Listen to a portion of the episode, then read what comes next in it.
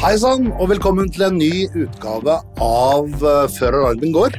Og som vanlig så tar vi tak i litt sånn samfunnsengasjerende spørsmål innenfor dette med IT, IT-sikkerhet, IT-trusler og samfunnet. Og med oss i dag så har jeg fått to utrolig spennende gjester som er eksperter innenfor hvert sitt område. Og jeg begynner med deg, Henrik. Du jobber for Crawford. Ja. Hvem er du? Ja, jeg er eh, advokat og jobber i konsulentselskapet Crawford Company. Eh, Vi, eh, vi er et konsul- konsulentselskap som holder til utenfor Oslo. Vi er eh, 140 stykker, og vi jobber primært for forsikringsbransjen. På, mm, med skadeoppgjør, som er det vi jobber mest med. 140 har jeg vært ute hos dere. Det er jo et svært og flott kontor. Ja da, vi, vi trives der ute. Vi vokser, så vi blir bare flere og flere, vi. Dere har samlet mye kompetanse under ett tak. Det har vi. Vi er eh, bygd opp å bli en spesialistbedrift innenfor forsikringsoppgjør. eh, og de seneste da, eh, nå syv årene så har vi bygd opp en avdeling innenfor håndtering av cyberhendelser. Nettopp. Og det er jo sånn vi har kommet borti hverandre. Eh, For det, jeg vil jo si at du er kanskje en av de fremste ekspertene i Norge innenfor dette med cyber- og forsikringsverden. Hvordan var tilnærmingen deres der? Det, det begynte vel med som et samarbeid med noen store internasjonale forsikringsselskap for en syv år tilbake, hvor de trengte en eh, leverandør, en, en samarbeidspartner som kunne bistå dem på cyberhendelser over hele verden. Mm. Vi er et konsulentselskap som er i eh, bokstavelig talt i alle verdens land. Ok.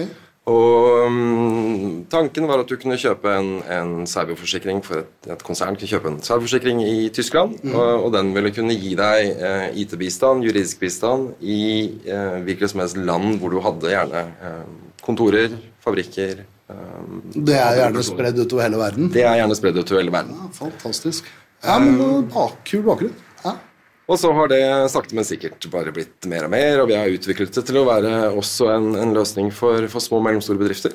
Um, så bare i, i Norden også samarbeider vi med mer enn ti forskjellige forsikringsselskap med å hjelpe dem uh, når de får meldt cyberhendelser på forsikringer de har solgt.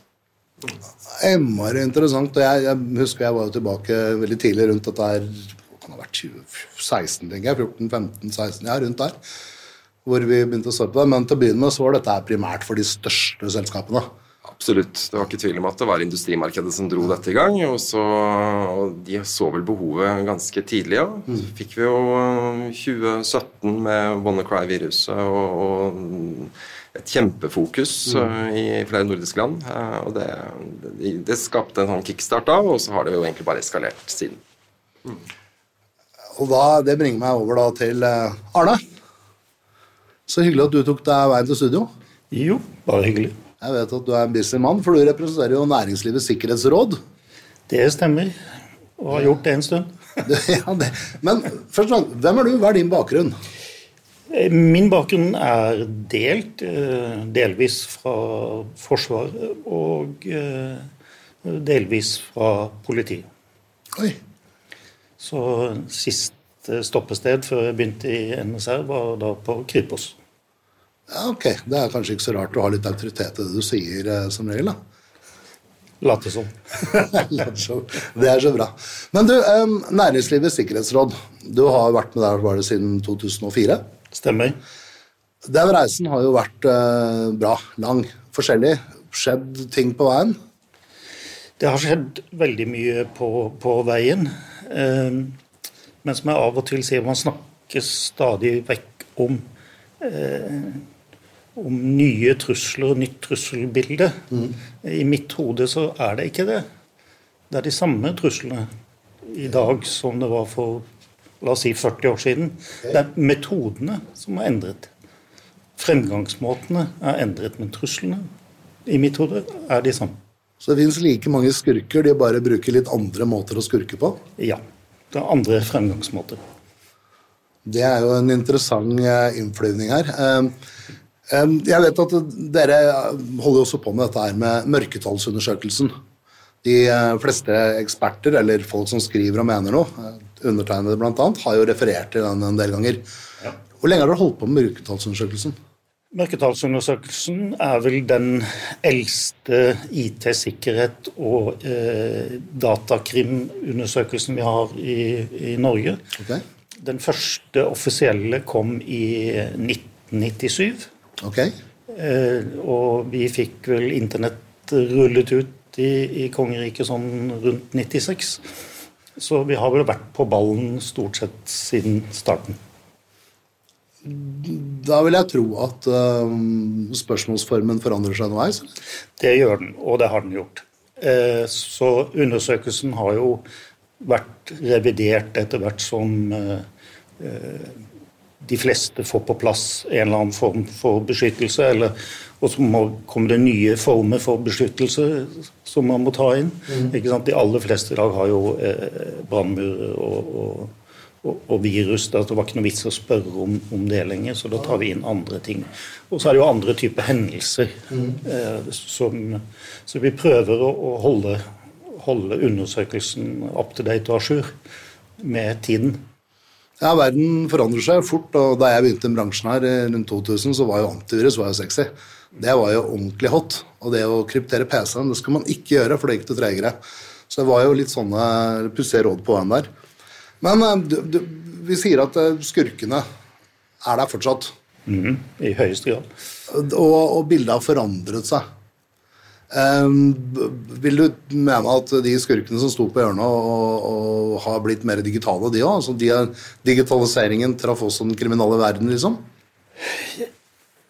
Det Om det er de samme, skal jeg være forsiktig med å, å si, men, eh, men eh, altså det som går under begrepet vinningskriminalitet, Ja. altså da tilegne seg en verdi i en eller annen form, eh, den har forflyttet seg eh, vekk fra det fysiske rom og er nå mye mer i det digitale rom.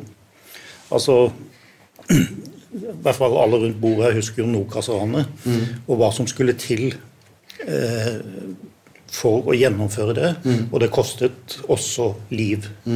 Eh, den mest kjente direktørsvindelen vi kjenner til i, i Norge, der fikk de altså ut eh, 500 millioner, altså nesten en halv milliard. Eh, Nå klarte man å få tilbake 400 av de, Eh, men dog, de satt igjen med 100 millioner. Og hvor mye fikk de i Nokas-ranet? Noen og 60. Ja, ikke sant? Altså bare med tastetrykk. Mm. sagt, ikke det at jeg anbefaler, men eh, så, så får man ut de samme verdiene. Nei, ikke sant? Og det er jo Det er jo en tankevegger, uten tvil. Henrik, ser dere dette Og mye, bildet? og mye mindre risiko for å bli tatt. Ikke minst mye mindre risiko for å bli tatt. Heldigvis så ser man jo at eh, Kripos og, og disse her eh, samarbeidene på kryss og tvers av, eh, av landet nå begynner å gi noe uttelling. da. Eh, De hadde vel akkurat tatt eh, disse som sto bak Hydro. Ja, ikke sant? Og det var vel en liga som var Var det- russisk? Var det li- De ble tatt i Ukraina, i hvert fall. Ukraina, ja. ikke sant? Statsborgerskap vet jeg ikke. Nei, det gjør vi ikke. Nei. Men det, det, det, hva tenker du fra din vinkel? Ja, og jeg tenker at den statistikken vi sitter på, bærer nok litt preg av at for cyberforsikring er fortsatt et, et produkt som skal vokse litt før liksom alle har det. Det er ikke like vanlig som brannforsikringen ennå. Um, men Man snakker om at man skal sammenligne det med styreromsforsikring. At det er noe man må ha. ja, Liksom. jeg liker å sammenligne med brannforsikring hjemme. Ja, okay. du, du, de færreste av oss kommer til å oppleve at huset brenner ned, men vi dropper ikke den forsikringen likevel. Og det er litt den samme holdningen jeg ønsker at vi får innenfor cyberforsikring. Er en god analogi. Um, at uh, du, du må prøve å beskytte deg mot den hendelsen som ikke er usannsynlig kan komme. Og så får man heller sørge for å ta riktige grep for å begrense tapet som er, uh, og som, som, kommer til å, å, som du kommer til å oppleve, rett og slett, som følge av dette her. Um, uh, det, det vi ser, at bransjen uh, de, de, de trår litt i, i sirup om dagen. Det, er et, det er dyrt å, å, å reparere et selskap som er uh, kryptert. Det er kjempedyrt. Uten tvil. Um, Og så ser vi at i motsetning at eh, når det er en brann, at da har du et bygning som går ned, så klarer du likevel å opprettholde driften din i de andre bygningene. Mm. Her er alt nede. Ja, Uansett hvilket land og hvor du, det er, liksom. Du, du, slutter å tjene penger på, på omtrent umiddelbart. Um, og det, er, det, gjør jo at uh, tapet til bedriftene blir stort veldig mm. raskt. Uh, og det driver kostnadene for, for, for forsikringsbransjen opp. Og og vi ser at dette drar med seg forsikringspremiene nå voldsomt. Uh, vi, siste jeg så, var tall på mellom 25 og 75% økning nå i seneste året. Og, og Du vet jo hva du snakker om, for du har vært borti flere hundre hendelser. Absolutt, og, det, og, vi ser jo at det er, eh, det er um, det er mye vi kan gjøre på forebygging, og det er vel det, jeg har, det, er det vi ser, da. Um, og, og, og det, er for, det, er for, mange hendelser som koster for mye innspillerne? Ja, altså Vi ser jo det i, i mørketallsundersøkelsen, så spør vi jo om kostnader. Mm. Eh, og siste undersøkelsen så var det vel eh, et snitt på 85 000 kroner av de som kunne gi et tall. da. Ja. Eh, det var ikke så veldig høy prosentandel som kunne faktisk gi et tall. Men det ga en, altså et, et snitt på på 85 000 kroner. Det vil si at bare blant respondentene i undersøkelsen mm. så snakker vi om 2,6 millioner. Mm. Og i mitt hode, og det vet vel du som er konsulent, at dette er bare gjenopprettingskostnader. Ja. Eh, og ikke, ikke, noe mer. Og, og, hvis du da ganger dette opp med hele populasjonen, altså til tilsvarende Eh, respondenter da, eh, som er i undersøkelsen, tilsvarende virksomheter, så snakker vi 1,2 milliarder. Det blir fort mye penger. For, og igjen fortsatt bare gjenopprettingskostnader. Mm. Og da er tap av uh, forskning og utvikling, IPR kanskje mister noen avtaler og kontrakter, ikke medregnet. Det er, uh, det er det samme vi ser. Altså, vi, vi jobber jo profesjonelt med dette her, med gjenopprettingen, Og vi ser jo det at den kostnaden, selv om man, noen tror at det lar seg gjøre å kjøpe seg ut av det, men bare det å betale Du må uansett gå gjennom hele systemet ditt. Du må erstatte ting. Og nedetid er jo én ting, men alle disse andre fasettene utover Det blir enorme, det blir enorme ja, verditap, altså. Enormt. Og de 85 000 som jeg nevnte, altså det er snitt snittet. Mm. Ikke sant? Og noen enkelthendelser er jo oppi fem millioner, ja. kanskje. ikke sant? Så og snittet vokser. De blir mer kompliserte, det blir mer, mer skader. For, ja. ja vi, vi, har jobbet nå i to år med en hendelse hvor, hvor selskapet oppdaget disse hackerne før de klarte å trykke på krypteringsknappen. Mm. Men uh, fra dag én så innså de at det var bare å anse hele systemet for å være kompromittert. Mm. Det var ikke noe vits å prøve å jobbe på det bare bygge opp fra bånn av. Så har noen først kommet inn, så er kostnaden der. Den, eh, er uten, den er uten tvil der. Men hva kan forsikringsbransjen gjøre med dette? Jeg tror Én eh, ting er jo å heve premier, som det er gjort, men jeg tror ikke det er nok. Jeg tror man må stille strengere krav til, til selskapenes tankesett, eh, infrastruktur, eh, satsing på, på IT-sikkerhet. Um, Hva slags krav stiller dere i forkant da til for tegneforsikring? Ja, nå jobber som sagt vi da på skadesiden, så vi har dessverre ingenting vi skulle ha sagt på selve salgssiden. Det skulle vi egentlig ha gjort. Du skjønner spørsmålet, ja. ja. Um, det kommer helt an på hvilket segment man jobber. Det, det var det jeg mener, hvilken, Hvor størrelsen på ja, firmaet da. Ja, det det hvor stor skaden kan bli, liksom. Ikke sant, og hvor og det, og det vi ser, at mange selskap er flinke å jobbe med brannmurer og ytre sikkerhetsvegger. Mm. Og så ser vi at de kommer, når først noen har kommet på innsida, ja. så er det som å komme inn i en godteributikk. Ja. Altså. Alt er åpent.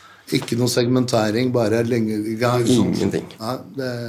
Man tenker, så kan vi begynne å få endret fokus fra ytre sikkerhet til liksom, hvordan skal vi liksom mm. La oss forberede oss på hvis de kommer inn, da.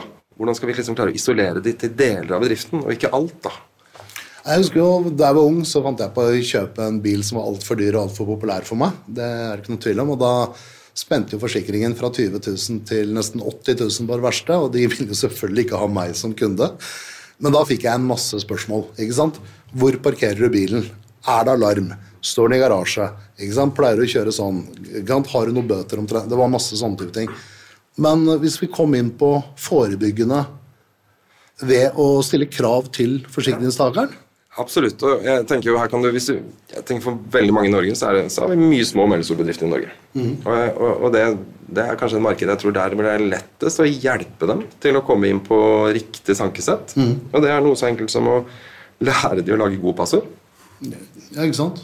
få få lære de til å skru på tofaktoridentifisering. Og lære de å ta en sikker ekstern backup å, som hackerne ikke klarer å få tak i når først de kommer inn. Og, og det vi ser, er at hadde, vi, hadde de tre tingene vært på plass i 2021 på alle sakene våre, så hadde vi ikke hatt noen saker i Norge. Oi, da, På SMB-markedet. det, er, eh, det er rått. Jeg pleier å si rundt 90% på de relativt samme tipsene. Hva ser du, Arne? Ja, Altså, sånn sett så er jo SMB-ene litt eh, hva skal jeg si, uheldige. Eh, for hvis du snakker om håndtering, da, som, eh, som Athea driver med, og sammen med andre, så blir SMB-ene for små. Altså, de, de er ikke ønskede kunder, rett og slett. Og de har ikke noe annet sted å gå for uh, å inngå f.eks. Uh, håndteringskontrakter. Så, så da er jo forsikring på en måte eh, veien. Da. Men samtidig så må ikke forsikring bli en sovepute. Uh, det er min bekymring. Eh, man må fortsatt gjøre jobben. Man må fortsatt gjøre de tiltakene som er nevnt. Og, og forsikringen skal kun være til bistand for gjenoppretting, eh, tenker jeg. For ellers så blir det litt sånn Det er ikke sånn at jeg er forsikra. ja? Ja. Eh, At de må, de må fortsatt gjøre jobben, og da er det jo Nasjonal sikkerhetsmyndighet sine grunnprinsipper som, eh, som er de gjeldende. Versjon 2. Morsomt du nevner nasjonale ja, grunnprinsippene, og, og vi, vi jobber mye etter de. og eh, Nasjonal sikkerhetsmyndighet har jo en sånn godkjennelsesordning. og Der er det fem selskap som de har godkjent nå. Og Det er jo profesjonelle hendelseshåndteringer, som du sier. Og alle de selskapene, det, det er klart at det koster jo litt penger. Eh, fordi det er proffer, og de, har, de bruker mye tid på det. Jeg må få skyte inn at det finnes flere enn de som står på den listen til, eh, til frivillige listen til NSM, som også er gode på håndtering, men de har valgt å ikke være inne i den kvalitetsordningen. Bare så det er sagt at det finnes flere der ute. Det er helt riktig at det finnes flere. Men det er også grunnen til at eh, det er bare de fem som står på vår nødplakat for digitale hendelser, Ja, ja. som vi har gitt kan lastes ned fra vår side. Ja. Ja, Den er veldig bra, den plakaten. Ja, og der har vi kun tatt med eh, de som er inne i den kvalitetsordningen. eh, Av den ene grunnen at vi har ikke kompetanse til å gå god for de som ikke er der. Det er, eh, var det, akkurat det jeg skulle til å si. Den, Så, så, men der står det også uttrykkelig at det fins andre. Det finnes sikkert flere, og eh, vi har jo vært igjennom en sånn godkjennelsessortering, og det er en utrolig omfattende prosess. Hvor man på en måte, Men da har du muligheten til å Noen som har tatt lappen, og kanskje noen som ikke har gjort det. Jeg vet ikke hvordan du sammenligner det. Men det fins flinke folk som uansett, det er ikke noe tvil om. Um, når vi kommer over altså sånn, Det blir jo veldig ofte diskutert dette med løsepenger og sånt nå. Um, altså, nå, Før kalte man det kanskje løsepengevirus, nå kaller vi det digital utpressing. Um, når du sitter i en situasjon, hva tenker vi rundt dette her med å betale løsepenger? Um, Begynn med deg, Erik. Ja, jeg, Utgangspunktet skal være at det er noe man ikke gjør. Det syns jeg er et veldig godt utgangspunkt. For, med tanke på at vi, vi, vi ønsker ikke å finansiere den uh, industrien. Vi ønsker ikke å gi bort penger hvis vi ikke er nødvendig å gi bort. Um, og det har alltid vært eh, utgangspunktet så lenge vi har jobbet med dette produktet. Men Du har vært borti flere hundre sånne caser. Hvor mange er det som betaler sånn prosentmessig? Det, og det, der skiller kanskje statistikken seg bort fra hva vi, hva vi ser andre steder. I, Av de 100 sakene vi har håndtert nå de siste to årene, så har det kun vært ett tilfelle av utbetaling av løsepengevirus. Det var 1 da. Ja. eh, og i det tilfellet så var det mot vår anbefaling og mot det IT-selskapet vi brukte som anbefaling. Um, Men de hadde ikke noe valg, da? eller? Jo, og, det, og det er vel det vi ser. Er, er, det er vel det som er spørsmålet til slutt. Har man noe valg? Mm, ja. Um, vi, dette var et internasjonalt selskap som hadde mistet sine finansielle eh, data for Mm. ni måneder. Uh, og uh, konkluderte med at det var verdt å betale istedenfor å rekonstruere disse dataene. Eh, Så det ble en ren økonomisk vinningsinteresse selv da, for å gjøre det. Og der syns jeg du har gått, godt over streken, da, med tanke på å betale. Ja, for da betale. betaler du deg unna. Ja, ikke sant? Ja. Hva tenker du, Arne? Vi er nok også av den oppfatningen at du ikke eh, skal betale, men heller bruke de pengene til å forberede og beskytte. Inngå en avtale med noen. Eh, og- Jobbe preventivt? Ja. Forebygge istedenfor. Eh, og det er flere grunner til at eh, vi eh, ikke anbefaler å betale. Det ene er at du har jo ingen garanti for at de faktisk låser opp. Nei, for det er faktisk sant. Og du har heller ingen garanti for hva de ellers har gjort der inne. Og tre, som du var inne på, Henrik, at man er med å støtte opp under kriminell virksomhet. Ja, ikke sant? For da kommer det sånn tvil. Da, altså Du gir dem muligheten til å fortsette, rett og slett. Men bør det være tillatt? Altså, Det er jo sånn gråsone her. Ikke sant? Bør det være tillatt å velge å betale hvis man ønsker det? Hva tenker vi rundt det? Er det Jeg mener fortsatt at det skal være tillatt. I, eh, i en, at vi, ikke skal, og jeg, jeg, vi, har, vi har diskutert juridisk om det, hvilke problemstillinger oppstår. Og det, og det er en del Det vil tenkes situasjoner hvor dette er vanskelig. Og så er det situasjoner hvor du tenker at dette burde være forbudt. Eh, og litt den forbudstankegangen er et typisk litt sånn eksempel jeg nevnte. Når, når det blir rene finansielle motiver for, for bedriften. Uh, og, og det å ansvarliggjøre styreledere, ansvarliggjøre bedriftseiere, det syns jeg er, en, det er riktig mm. tankesett. Uh, og så ser vi litt på den motsatte siden at eh, små bedrifter, lite penger eh, Hvis eh, jeg Alt er produksjonen alt er- står i stå, liksom? Alt er bare kryptert. Ja. Hvis jeg ikke får tilbake dataene mine, så er bedriften min konkurs. Eh, Livsverket mitt er borte. Mm. Eh, Det er noen sånne ytterpunkter da, som jeg tror man kan se. Jeg ser også i gråsonene. Nå, nå tenker jeg, altså, får juristen svare nå, men min umiddelbare tanke er at her snakker vi jo veldig fort heleri. Ja, Og så kan du også si at det, det går inn på mer sånn selv, selvtekstbestemmelser. Altså, det er i hvert fall økonomisk vinning eh, begått med, med, med en kriminell handling. Altså, så, så det er jo veldig godt innenfor heleribestemmelsen. Absolutt. Ja, i sånn, vi, Isolert for sin sett, isolert sett. Absolutt. Det kan jeg, den er jeg enig med deg i. Så, så det, er noen sånne, det er noen sånne ytterpunkter da, som er vanskelig å, å, å Jussen er vanskelig her. Just er vanskelig. Vi har jo, vi har jo, vi vet jo, vi har jo allerede bestemmelser som sier Ja. at uh, det er ikke lov å finansiere, finansiere terror. Ja. Um, og vi vet jo at Vi vet jo ikke hva pengene går til. vi vet ikke hva pengene går til. Og vi vet jo også at det er terrororganisasjoner som har brukt uh, løsepengevirus som en måte å finansiere driften sin på. Uh, og vi vet uh, vi har hvitvaskingsproblematikk uh, som kommer fort inn. Uh, og det har gjort at juristene generelt har vært veldig usikre på er det egentlig tillatt å betale røstpenger, sånn som lov, lovgivningen er i dag.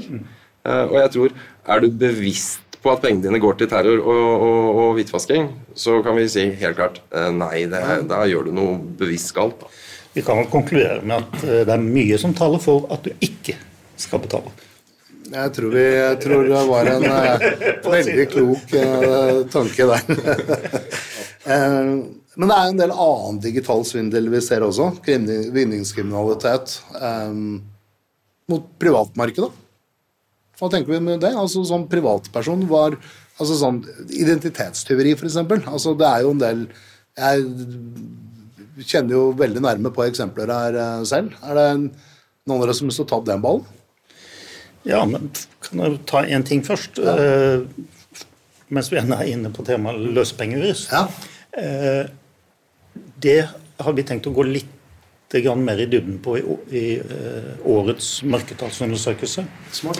Eh, fordi på, på, på anmodning faktisk fra politiet okay. eh, har spurt om vi kunne eh, ta med litt mer om det. Ikke bare spørre om de er liksom forsøkt eller er rammet, men gå litt i om de faktisk rammet, om de betalte, eh, om det ble låst opp osv. Eh, og så er det én ting til med løsepenger som vi har sett. At du får jo gjerne en dobbel, kanskje trippel, eh, utbetaling.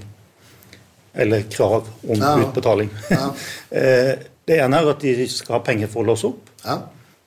Eh, Så sier de Oh, by the way, eh, vi henta jo ut noe når vi var inne. Eh, Hvis du betaler litt ekstra, så legger vi ikke det ut på nettet. Da lar vi være å publisere det på internettet. Ja.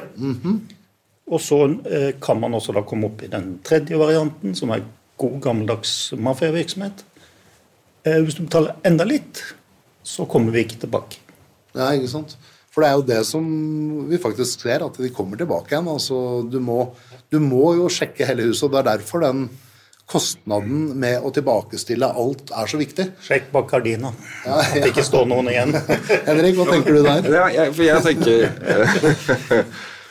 eh, Det vi alle ikke ser, er jo alle disse selskapene som opplever dette hvert år, og som ikke har noen forsikring.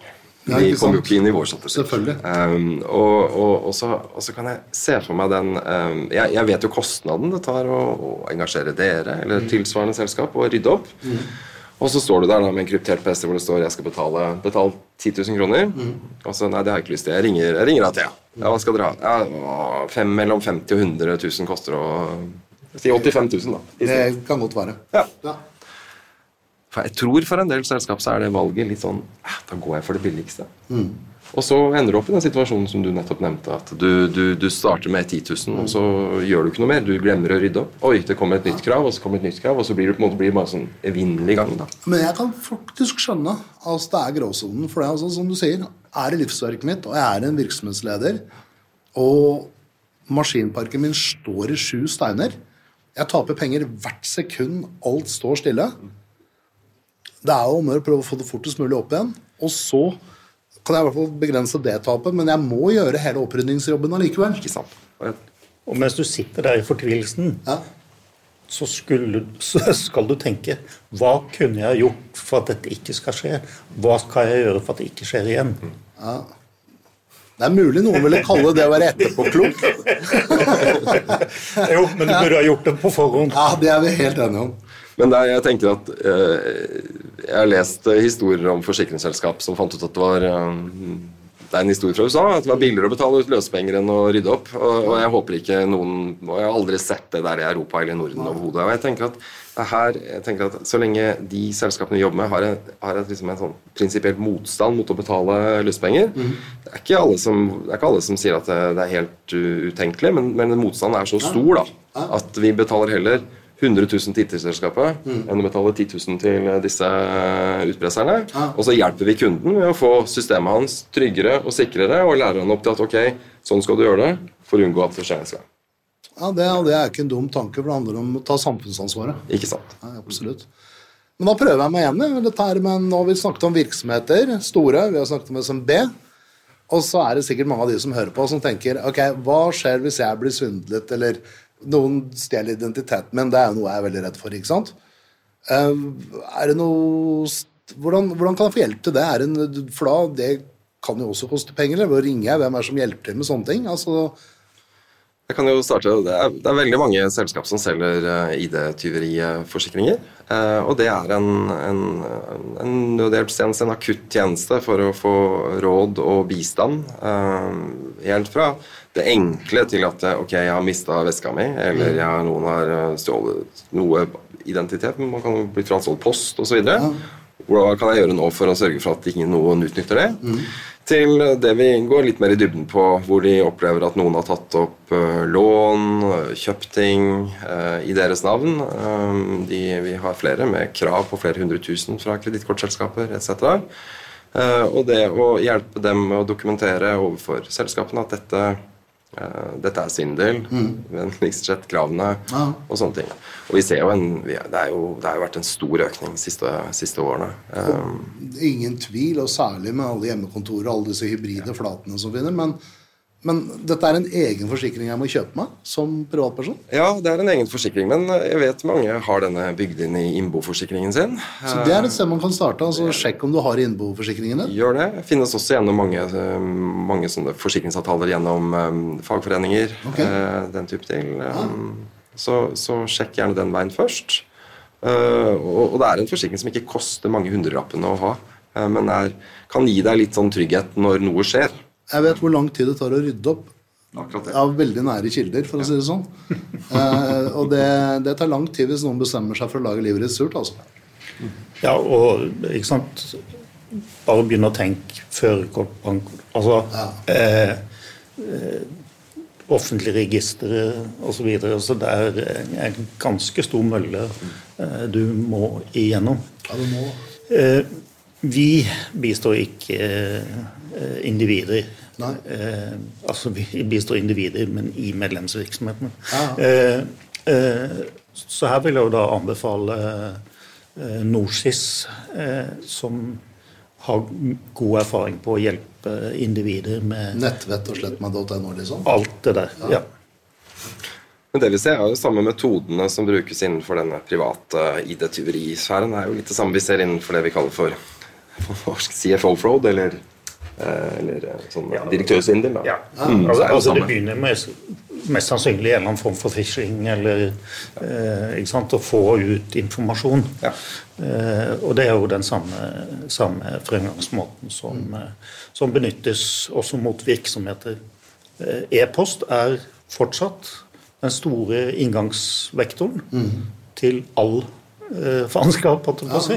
Eh, i- Og det er helt greit å kalle det faenskap. Det, det, det skjer mye dritt, det er vi enige om. Uh, og sånn vil det også være på, på privatfronten.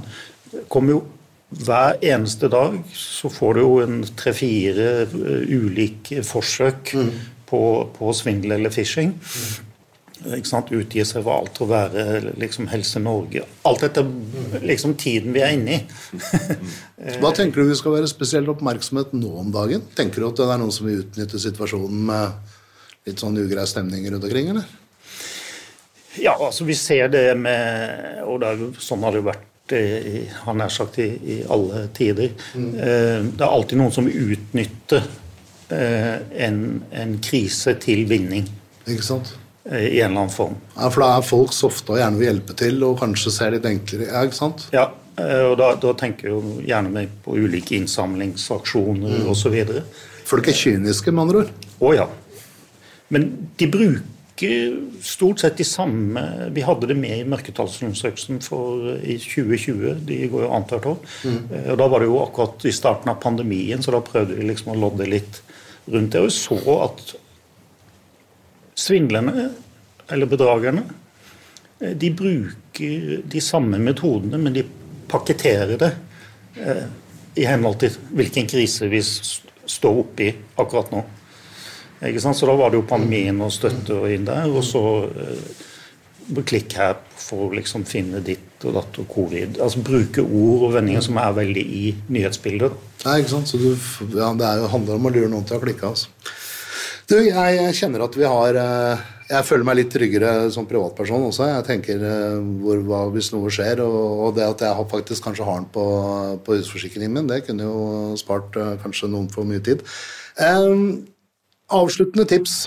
Der kan man jo velge om man ønsker å gå den private eller offentlige veien. eller. Avsluttende tips av deg, Arne. Hva ditt beste tips? Oppdater, oppdater og oppdater. Når PC-en prøver å oppdatere, eller telefonen prøver å oppdatere, så ikke, du er ikke smartere enn den. Du skal ikke vente, du skal bare gjøre det. Det tar, hvis man følger alle sikkerhetsoppdateringer, så er du vel beskyttet mot uh, over 90% 94 var siste tallet jeg hørte, av de ulike angrepene. Så oppdater. Når maskinen sier det. Når maskinen sier det. Ja, Det er helt enig. Hva er ditt tips, Henrik? Skru på tofaktorautentifisering. Kan ikke si det ofte nok. Det, Det er, eh, det er to ekstremt gode tips, faktisk. Og for de som ikke vet det, så fins den muligheten både på LinkedIn, Facebook og de fleste andre sosiale medier også. Det er faktisk sant. Det er det. Og det er gjerne den lureste veien inn. Det er gjerne der blir lurt, da. ja det, er, det er faktisk helt riktig. Du, jeg, jeg liker å stille sånne spørsmål. Så sånn, det er litt sånn out of the blue, men, eh, men eh, jeg liker å vite hva den smarteste devicen, hvilken smart device man er avhengig av. Jeg begynner med deg, Henrik. Hva er det du, det er klokka mi. du er sånn avhengig av en smartklokke? Jeg er avhengig av smartklokke. Ja, du har liksom hele livet på den? Da kan jeg ha mobilen på lydløst, og så durer det på håndleddet når som helst. uten at jeg trenger å forstyrre noen. og nå skal barna hentes. og Det er liksom, ja, sånn så, ja, ja, det er ikke gærent, da. Og ditt, Arne? Nei, det blir nok min gamle mobil. Ja, ja. Og grunnen til at den ser ut som den gjør nå, det er ikke så mange som er interessert i rappet. rappe. ja, nei, ja, ikke sant. Jeg skrev jo en liten eh, litt eh, avsnitt på, på hjemmesiden vår for en del år siden. Hvis mobiltelefonen min dør, dør jeg. Ja, jeg tror i hvert fall det er ganske mange som føler, føler kvaler, i hvert fall. Det er det ingen tvil om. Du, gutta, da, da avslutter jeg. Tusen takk for at dere tok dere turen til studio. Eh, jeg har lært mye. Eh, spennende. Jeg går ut fra at lytterne våre også har hørt eh, mye nytt og spennende. Og som sagt, det er godt å høre at dere som ytterligere også kjenner at det er gråsoner her. Og for dere andre som lytter, vi er i gang med sikkerhetsdagene rundt omkring i Norge. Så logg dere på, på athea.no, og så meld dere på. Så møtes vi i en by nær deg. Takk for at dere kom. Hyggelig. Takk selv. Takk selv.